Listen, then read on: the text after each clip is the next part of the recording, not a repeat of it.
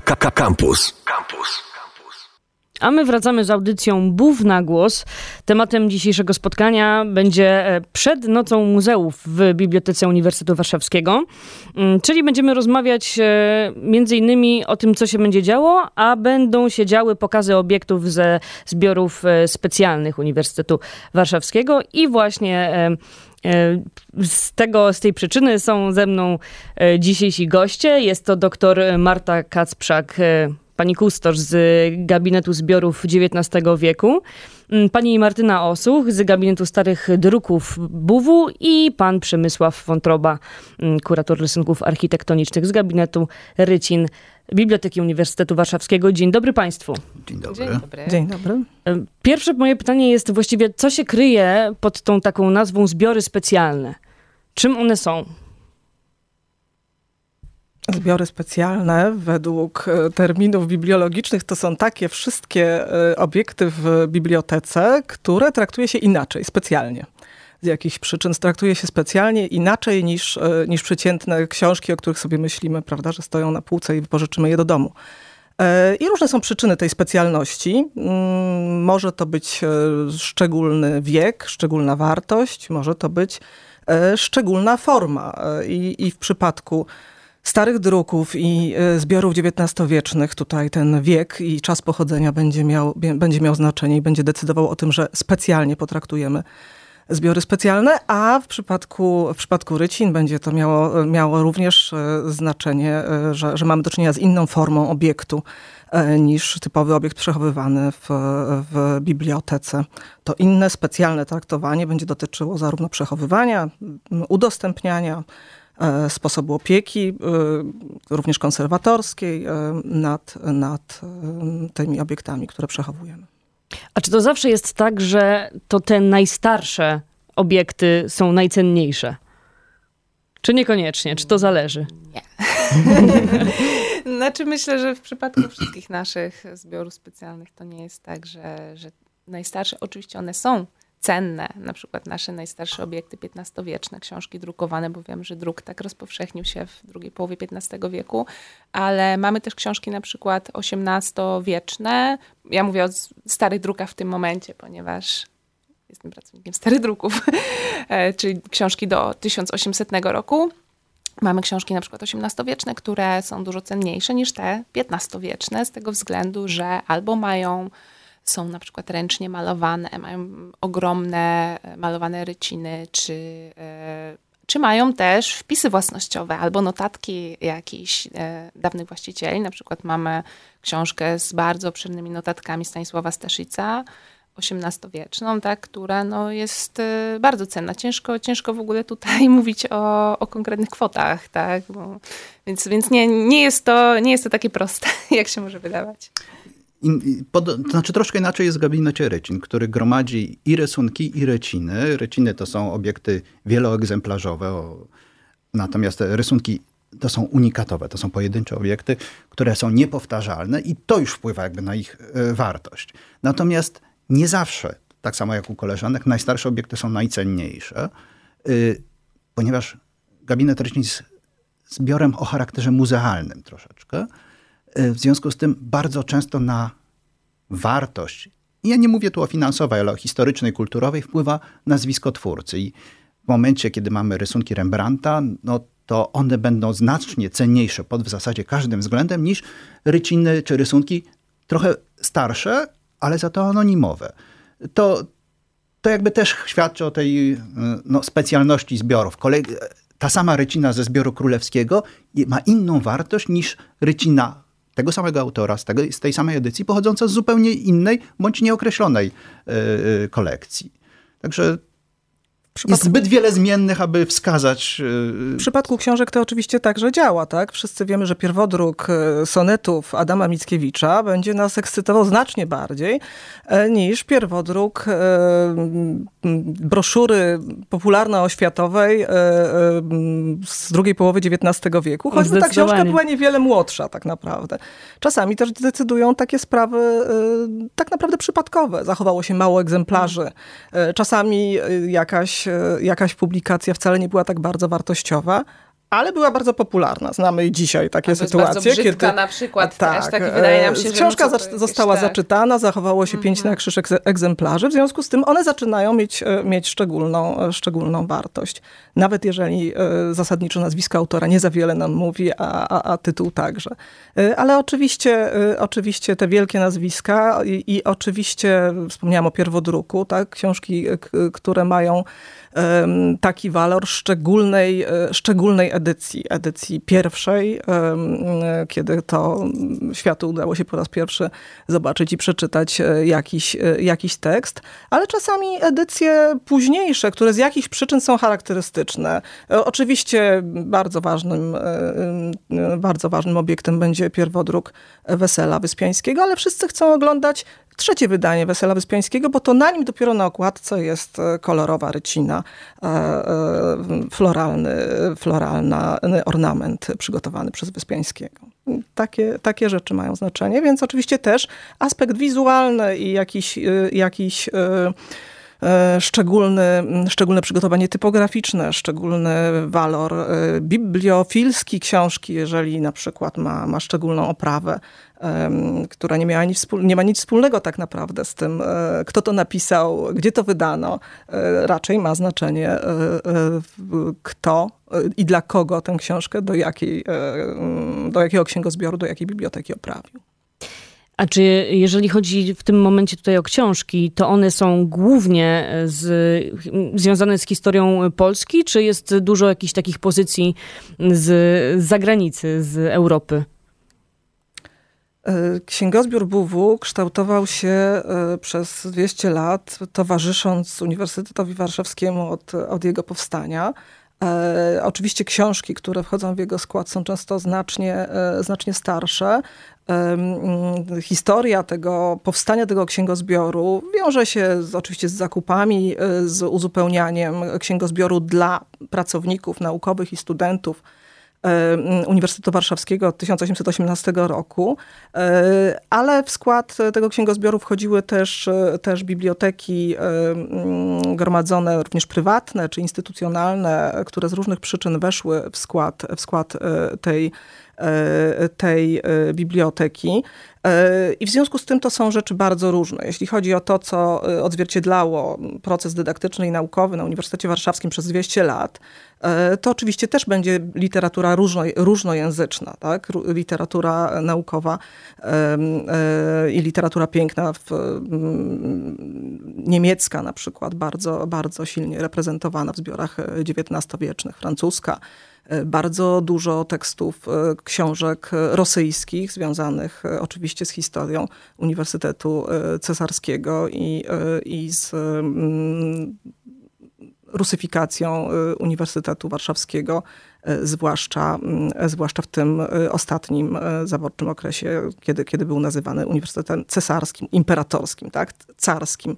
I był de facto mm, rosyjskim uniwersytetem podlegającym tym samym przepisom i prawom, e, co wszystkie inne uniwersytety e, w Imperium Rosyjskim. Tak? Dzisiaj to wszystko zupełnie inaczej brzmi, kiedy, kiedy opowiadamy te nudne, nudne historyczne e, dzieje. e, No, chyba raczej bardzo ciekawe historyczne dzieje. Tak, To jednak- natomiast niestety, niestety wy- wydawałoby się, że zamknięte i miejmy nadzieję, że zamknięte e, dla, wszys- dla nas i wszystkich krajów dookoła. E, Natomiast, e, natomiast rzeczywiście literatura jest różnojęzyczna e, i e, Czy nie ma i tutaj to takiej jest, tendencji, że, że są głównie polskie rzeczy, głównie naturalne. jakieś takie e, właśnie... e, Ja się odnoszę głównie do zbiorów XIX-wiecznych, natomiast Mhm. u, w, w Państwa przypadku to będzie pewno Tak, jeszcze bardziej właśnie. wyraziste. No właśnie, jeśli chodzi o stare druki, u nas sytuacja jest o tyle specyficzna, że my mamy też zbiory tak zwane poklasztorne. Dużej mierze to nie jest przeważająca e, większość, ale jest tego sporo, ponieważ e, głównie w XIX wieku po kasatach e, zakonów i, i zamknięciu księgozbiorów klasztornych, one zostały przeję- były przejmowane przez i były przejęte między innymi właśnie przez naszą bibliotekę. Tutaj teraz znajdują się w, w Buwie, więc to są księgozbiory właśnie e, z całej, z całej Polski tak naprawdę e, przechowywane w klasztorach. Tak? Pierwszy dyrektor biblioteki Samuel Bogumił Linde kompletował ten księgozbiór jeżdżąc po klasztorach i, i, i te zbiory gromadząc, często bardzo ratując je też przed tragicznymi warunkami, w których były przechowywane. Więc. Dzisiaj rozmawiamy o zbiorach specjalnych. Mm, no to wypada zapytać, co się w tych zbiorach e, u Państwa takiego najcenniejszego znajduje? Gabinet Rycin jest dosyć, nawet w ramach zbiorów specjalnych, specyficzną kolekcją. Mianowicie jej trzon stanowią dwie XVIII-wieczne, bardzo ważne kolekcje. Jedna to y, króla Stanisława, Augusta, a druga y, Stanisława Kostki Potockiego. Obaj, obaj oni byli wielkimi kolekcjonerami. Y, interesowały ich trochę różne mm, obszary kolekcji i inne szkoły, ale niemniej budowali swoje kolekcje w oparciu o ogromną y, wiedzę osobistą. I kiedy w 1818 roku doszło do zakupu kolekcji królewskiej dla Uniwersytetu Warszawskiego, Stanisław Kostka-Potocki, który był motorem y, tego zakupu, podarował część swojej kolekcji, aby uzupełnić kolekcję królewską i to stało się podstawą zbiorów uniwersyteckich, zbiorów sztuki y, na uniwersytecie. Znaczna część tego została zniszczona w czasie II wojny światowej, ale w dalszym ciągu mamy rarytasy. Raz, że jest to w ogóle kolekcja królewska, chyba jako jedyna w takim y, stopniu zachowana, jeśli chodzi o sztuki graficzne, bo księgozbiory częściowo są y, w Polsce przechowywane. Natomiast obaj gromadzili nazwiska i spośród tych należałoby na pewno wymieniać, wymienić Rembrandta, którego parę rysunków gabinet Rycin posiada, Rubensa, Y, którego również mamy znakomity rysunek, Fragonarda czy Buschera, a także ogromne zespoły rycin, takich europejskich mistrzów jak y, Piranesi, Dürer, hmm, cóż bym jeszcze mógł powiedzieć, no właśnie Fragonar i, inni. Mamy tego naprawdę kilkadziesiąt tysięcy i warto to też od czasu do czasu zobaczyć. Aczkolwiek możliwości pokazywania publicznego są dosyć E, dosyć ograniczone, choćby z racji wrażliwości tych zbiorów na światło e, słoneczne. A jak to jest właśnie w przypadku starych druków? Ciężko tutaj wybrać tak naprawdę najcenniejsze jakieś przykłady z tych ponad 100 tysięcy, które -hmm. przechowujemy, bo to są, tak jak wspomniałam, od, połowy, od 70. lat XV wieku do 1800 roku. Ja to powtarzam, bo e, za granicą czasami bywa inaczej. Do 1800 30, 1850, u nas to jest 1800. No na pewno wymieniłam niektóre te druki XV-wieczne, tak, ten najstarszy nasz, tam tysiąc, około 1470, Plutarcha, Żywoty Sławnych Mężów, ogromna, piękna książka.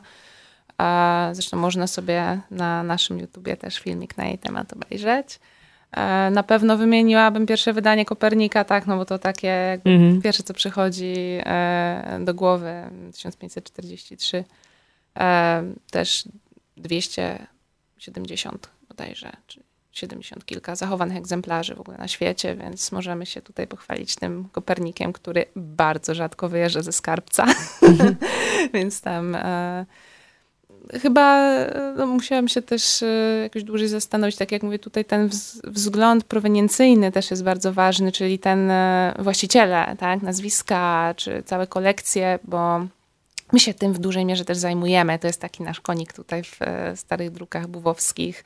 Badaniem drogi książki od początku, od mhm. momentu druku do momentu, jak trafiła do naszych zbiorów, więc analiza i próba identyfikacji tych kolejnych właścicieli, tych, którzy zostawiali e, notatki swoje, na przykład Filip Melanchthon, mamy wpis Filipa Melanchtona w jednym z naszych druków, więc e, próbujemy identyfikować tak te, te nazwiska, więc to też często ma znaczenie. No ciężko mi tutaj wybrać jakieś Jasne, takie no to, inne, bo to jest bardzo my kochamy wszystkie też. porówno, więc...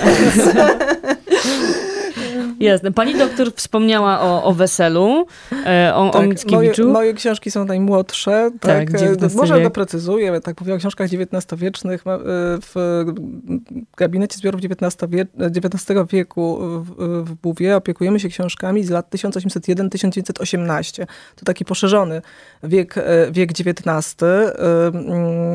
To oczywiście to są uwarunkowania historyczne, ale związane również z historią drukarstwa, ruchu wydawniczego w Królestwie Polskim. Przyjmujemy tę datę 1918 jako końcówkę XX wieku. Więc nasze książki są znacznie, znacznie młodsze i po Rembrandcie i Koperniku ja tutaj niczym nie zrobię świetnego wrażenia. Natomiast oczywiście E, oczywiście e, perełek jest mnóstwo. E, księgozbiory XIX-wieczne tym się różnią od wcześniejszych i dlatego warto gdzieś wyznaczać te granice 1800-1801 roku albo, albo troszeczkę później, że produkcja książki staje się w pewnym momencie masowa, Również posiadanie książek staje się znacznie bardziej popularne i masowe i tworzenie bibliotek. W związku z tym w odniesieniu do zbiorów XIX-wiecznych często, e, często e, szczególną wartość ma nie tyle sam jeden egzemplarz, co kolekcja, która, e, w skład której wchodzi ten egzemplarz, która została skompletowana w jakiś określony, określony sposób przemyślany. Bywają to kolekcje użytkowe, bywają bibliofilskie, taką słynną kolekcją, e, która, która wchodzi w skład zbiorów XIX-wiecznych BUW jest e, kolekcja e, Arkadiusza Tołoczanowa, rosyjskiego urzędnika z drugiej połowy XIX wieku, rosyjskiego urzędnika w Królestwie Polskim, polonofila, e, który, który gromadził między innymi e, najważniejsze dzieła, dzieła polskie, a także mm, zbiory e, dotyczące polskich powstań narodowych, nie zawsze zresztą czyniąc to legalnie. Ale oczywiście są też te perełki. Tutaj Martyna odesłała do, do YouTube'a i może rzeczywiście warto odesłać do Buwloga, y, y, który, który może czasami na naszej stronie internetowej ginie gdzieś odbiorcom, albo myśl, myślą, że to blog, blog dla bibliotekarzy i niekoniecznie chcą tam zajrzeć, a bardzo warto tam czasem zajrzeć bowiem w cyklu Obiekt Miesiąca i nie tylko w tym cyklu różnych, różnych ciekawostek opisujemy często właśnie konkretne, szczególne egzemplarze, szczególnie wartościowe mm, e, obiekty, obiekty z, naszych, e, z naszych zbiorów. Jeśli by Państwo chcieli przeczytać o o pierwodruku sonetów Mickiewicza z 1826 roku z zachowanym w niewielu egzemplarzach, ale w naszych tak dodatkowym litograficznym odbiciem perskiego przekładu jednego z sonetów, to, to bardzo, bardzo e, polecam na przykład. Czy, czy, mówimy tutaj o pierwodrukach, o ważnych edycjach, tak jak wspomniałam o tym, o tym wyspiańskim, e, czasami, e, czasami wartościowe, już wydawniczo same edycje, a czasami szczególne egzemplarze, tak jak Martyna mówiła, z E, również oczywiście w naszych zbiorach z, e, z wpisami e, własnościowymi, z notatkami jakichś konkretnych, a ważnych dla nas a i dla historii polskiej osób czasami w jakiś sposób szczególny, introligatorsko oprawiony egzemplarz. Na przykład mogą też Państwo przeczytać na vlogu o E, edycji e, francuskiego przekładu e, Quo Vadis Sienkiewicza z początku XX wieku, edycji Flammariona, do której, do której Jan Styka przygotował słynne ilustracje, a nasz egzemplarz jest jednym z, z niewielu zachowanych szczególnych egzemplarzy, w których mamy podwójny komplet ilustracji dokumentujących różny stan. Jedne są sygnowane i podpisane, drugie nie są sygnowane i nie są, nie są podpisane. E, widać, że, że sporządzono taki e, bibliofilski egzemplarz dla, dla zainteresowanych e, nie tylko Sienkiewiczem, nie tylko Kwowadis, nie tylko Styką, ale i jeszcze produkcją książki i, i, i. Szczęściem jest też to, że wiele z takich materiałów jest digitalizowanych mm, i właściwie tutaj, zanim zapytam o, o przechowywanie tych, tych newralgicznych zbiorów i bardzo cennych, to jak w ogóle wygląda proces digitalizacji digitalizacji właśnie tak, tak wrażliwych e, druków? Szczęśliwie Biblioteka Uniwersytecka ma swoją pracownię reprograficzną, co nie jest znowu takie częste, jeśli chodzi o biblioteki. E, I to dobrze wyposażono. I ma program digitalizacji. Ten program digitalizacji dotyczy zarówno e, właśnie starych druków, gabinetu Rycin XIX wieku, zapewne w mniejszym stopniu, ale, ale też czy gabinetu rękopisów, muzykaliów, bo tych gabinetów w zbiorach specjalnych jest więcej. Jest więcej, tak. Natomiast jest ciągle jeszcze problem z udostępnianiem. On, on zaczyna, on w zasadzie jest rozwiązany, bo powstała platforma CRISPA, na której e, taka biblioteka cyfrowa, na której możemy publikować e, właśnie e, obiekty pochodzące z naszych zbiorów i tam stopniowo one są udostępniane. I to chyba jest najlepsze miejsce w tej chwili do zapoznawania się ze zbiorami specjalnymi z Biblioteki Uniwersyteckiej. Pomału, pomału te bazy są ten, tak? Na, napychamy. Mamy oczywiście tysiące już zeskanowanych obiektów, y, pewnie setki tysięcy skanów, natomiast no, sam proces przetworzenia tego i y, wypuszczenia tego do sieci jest bardziej złożony i nie tak szybki, jakbyśmy nawet chcieli chyba i mogli. A skoro właśnie mówimy o, o tym takim mm, o tym takim wrażliwym materiale, no to czy są jakieś specjalne warunki, w których te e, druki muszą być przechowywane? Że na przykład, nie wiem, jakieś e, odizolowanie od światła, które by jakoś mogło to y, tam wyblaknąć, te wszystkie... Tak, tak. Absu jest, absolutnie, jest, tak. absolutnie. No w ogóle właśnie światło i wysoka temperatura, suche powietrze to są wrogowie starych druków przynajmniej, te okładki, zwłaszcza i papier, ale okładki pergaminowe, na przykład pergamin nie znosi e, wysokiej temperatury i suchego powietrza. E, te najcenniejsze obiekty przechowujemy w skarbcu, przynajmniej stare druki, e, w osobnym pomieszczeniu z takimi większymi zdecydowanie zabezpieczeniami, ale nasz magazyn zbiór starych druków też oczywiście posiada wszelkie możliwe zabezpieczenia. Nie ma okien oczywiście. I on się znajduje blisko naszej czytelni, na trzecim piętrze w Buwie, bo w ogóle też nie, nie wiem, czy czytelnicy zdają sobie sprawę z tego w ogóle, że istnieje trzecie piętro w Buwie. Ponieważ no właśnie my się tam e, e, znajdujemy, e, gabinety zbiorów specjalnych e, i znajdujemy się w takiej zamkniętej strefie, do której można sobie pobrać kartę w informatorium, wtedy się wchodzi e, z kartą, przechodzi się do czytelni, każdy gabinet ma swoją czytelnię. E, my akurat właśnie szczęśliwie, do czego zmierzam, mamy magazyn zaraz obok czytelni, więc to zamówienie książki trwa, trwa też krócej. Ale rzeczywiście no, te warunki, e, warunki muszą być e, spełnione i wilgotność powietrza też i, właśnie to nasza pani magazynier oczywiście to wszystko codziennie dba, jest to osoba tak, tak. od tego, która się tym zajmuje, żeby pilnować właśnie razem z konserwatorami za tydzień w sobotę z nocy z 14 na 15 maja odbędzie się Noc Muzeów. E, noc, podczas której można zapoznać się ze zbiorem z gabinetów e, zbiorów specjalnych. Mm, ale zanim do samej Nocy Muzeów, to e, chciałabym Państwa zapytać o pokazy dla studentów, które są organizowane w Państwa gabinetach. Mm, jak one wyglądają? Dla kogo one są przeprowadzane? Czy to się trzeba jakoś wtedy zgłaszać się z, z wydziałem po prostu z prośbą o takie, e, o takie przedstawienie, czy, czy to jest jakoś odgórnie?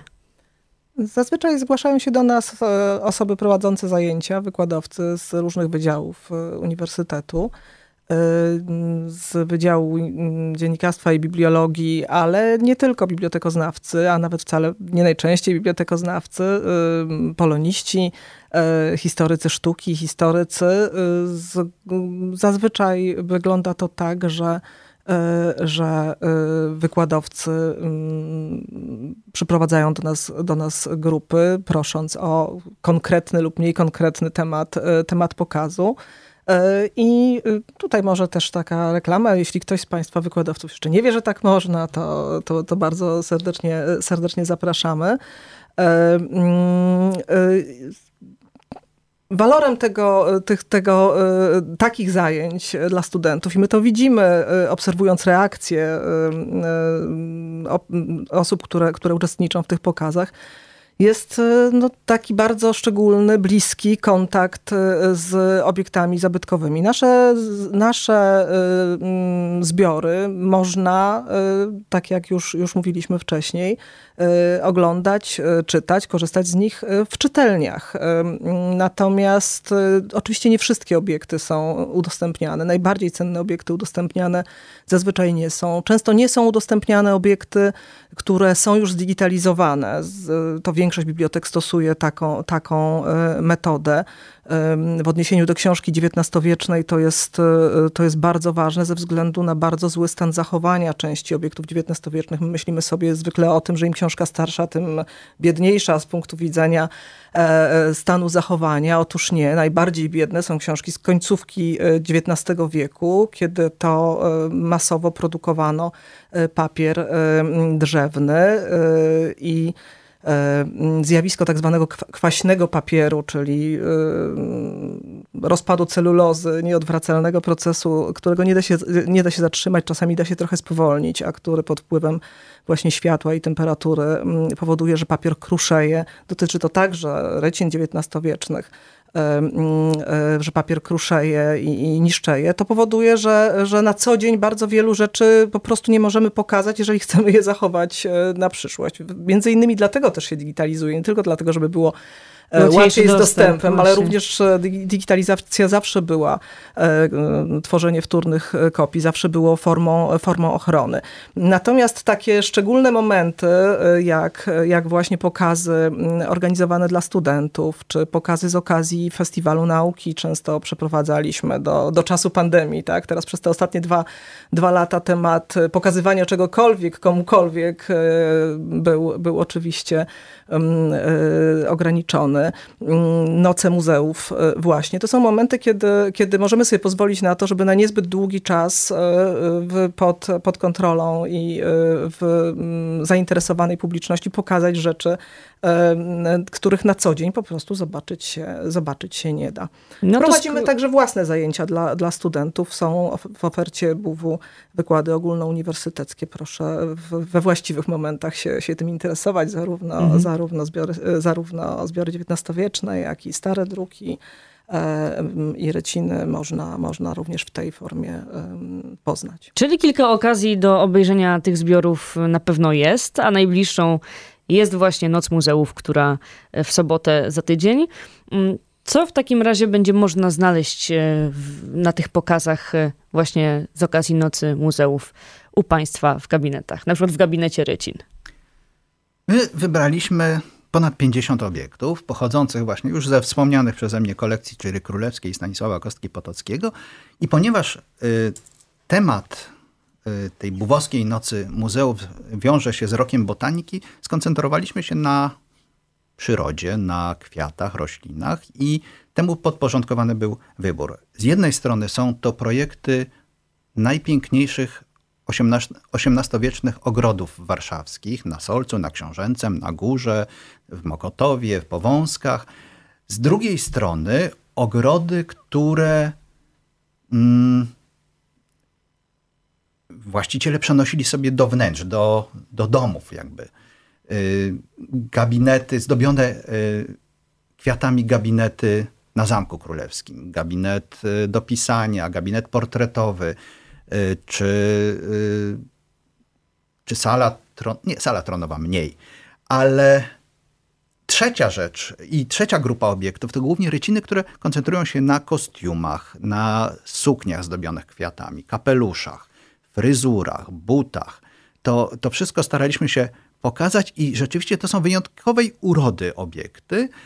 Yy, może niespecjalnie cenne, w opozycji do tego, co mówiłem wcześniej, ale mają ten walor poznawczy i estetyczny przede wszystkim i na to chyba kładliśmy nacisk. Chciałbym tylko powiedzieć, że po raz pierwszy pokażemy trzy projekty dywanów do Zamku Królewskiego z 1766 roku, robione przez francuskiego architekta Wiktora Louis i już. I ja już kończę, bo na pewno inni też chcą powiedzieć. To wszystko właśnie w tematyce bów naturalnie, a co w takim razie znajdziemy w gabinecie starych druków? Więc y, stare druki łączą siły z gabinetem dokumentów życia społecznego. Będziemy wystawiać w jednej sali też około 50 obiektów, myślę, że nawet więcej, 60, 70. I tematem nasze, naszego pokazu będzie powrót do natury, czyli przypomnienie uczestnikom pokazu, że ta natura zawsze była bardzo blisko nas, my blisko natury i że tak naprawdę bez przyrody nas nie ma. po prostu nie, nie istniejemy. Ta symbioza trwa i chcielibyśmy, pokazując te obiekty, ponieważ będziemy pokazywać obiekty świadczące o e, różnego rodzaju relacjach człowiek-natura, więc będziemy pokazywać zielniki, będziemy pokazywać e, książki, które e, zawierają recepty zdrowotne, które zawierają opisy e, roślin, ale też właśnie opisy założenia ogrodowe, też opisy ogrodów botanicznych, ilustracje, przepiękne, ogromne książki.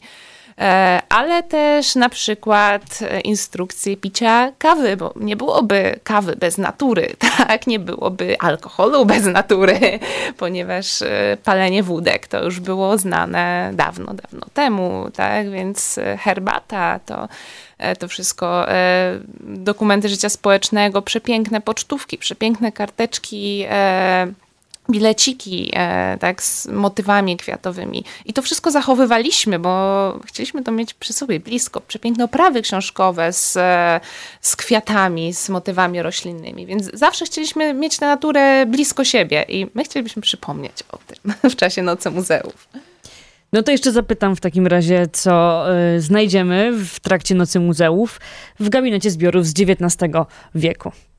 XIX stulecie to się niekoniecznie kojarzy naturalnie. Tak, tak? Pozytywistycznie wiek, wiek pary, żelaza, elektryczności, tak? I mogłoby się wydawać, że niekoniecznie był naturalnie, a wręcz przeciwnie i e, wbrew pozorom jedno z drugim, z drugim się wiąże. E, wiek XIX e, ze swoim rozwojem techniki pozwala na rozwój nauki. Nasz, nasz pokaz będzie się nazywał Biblioteka Botanika.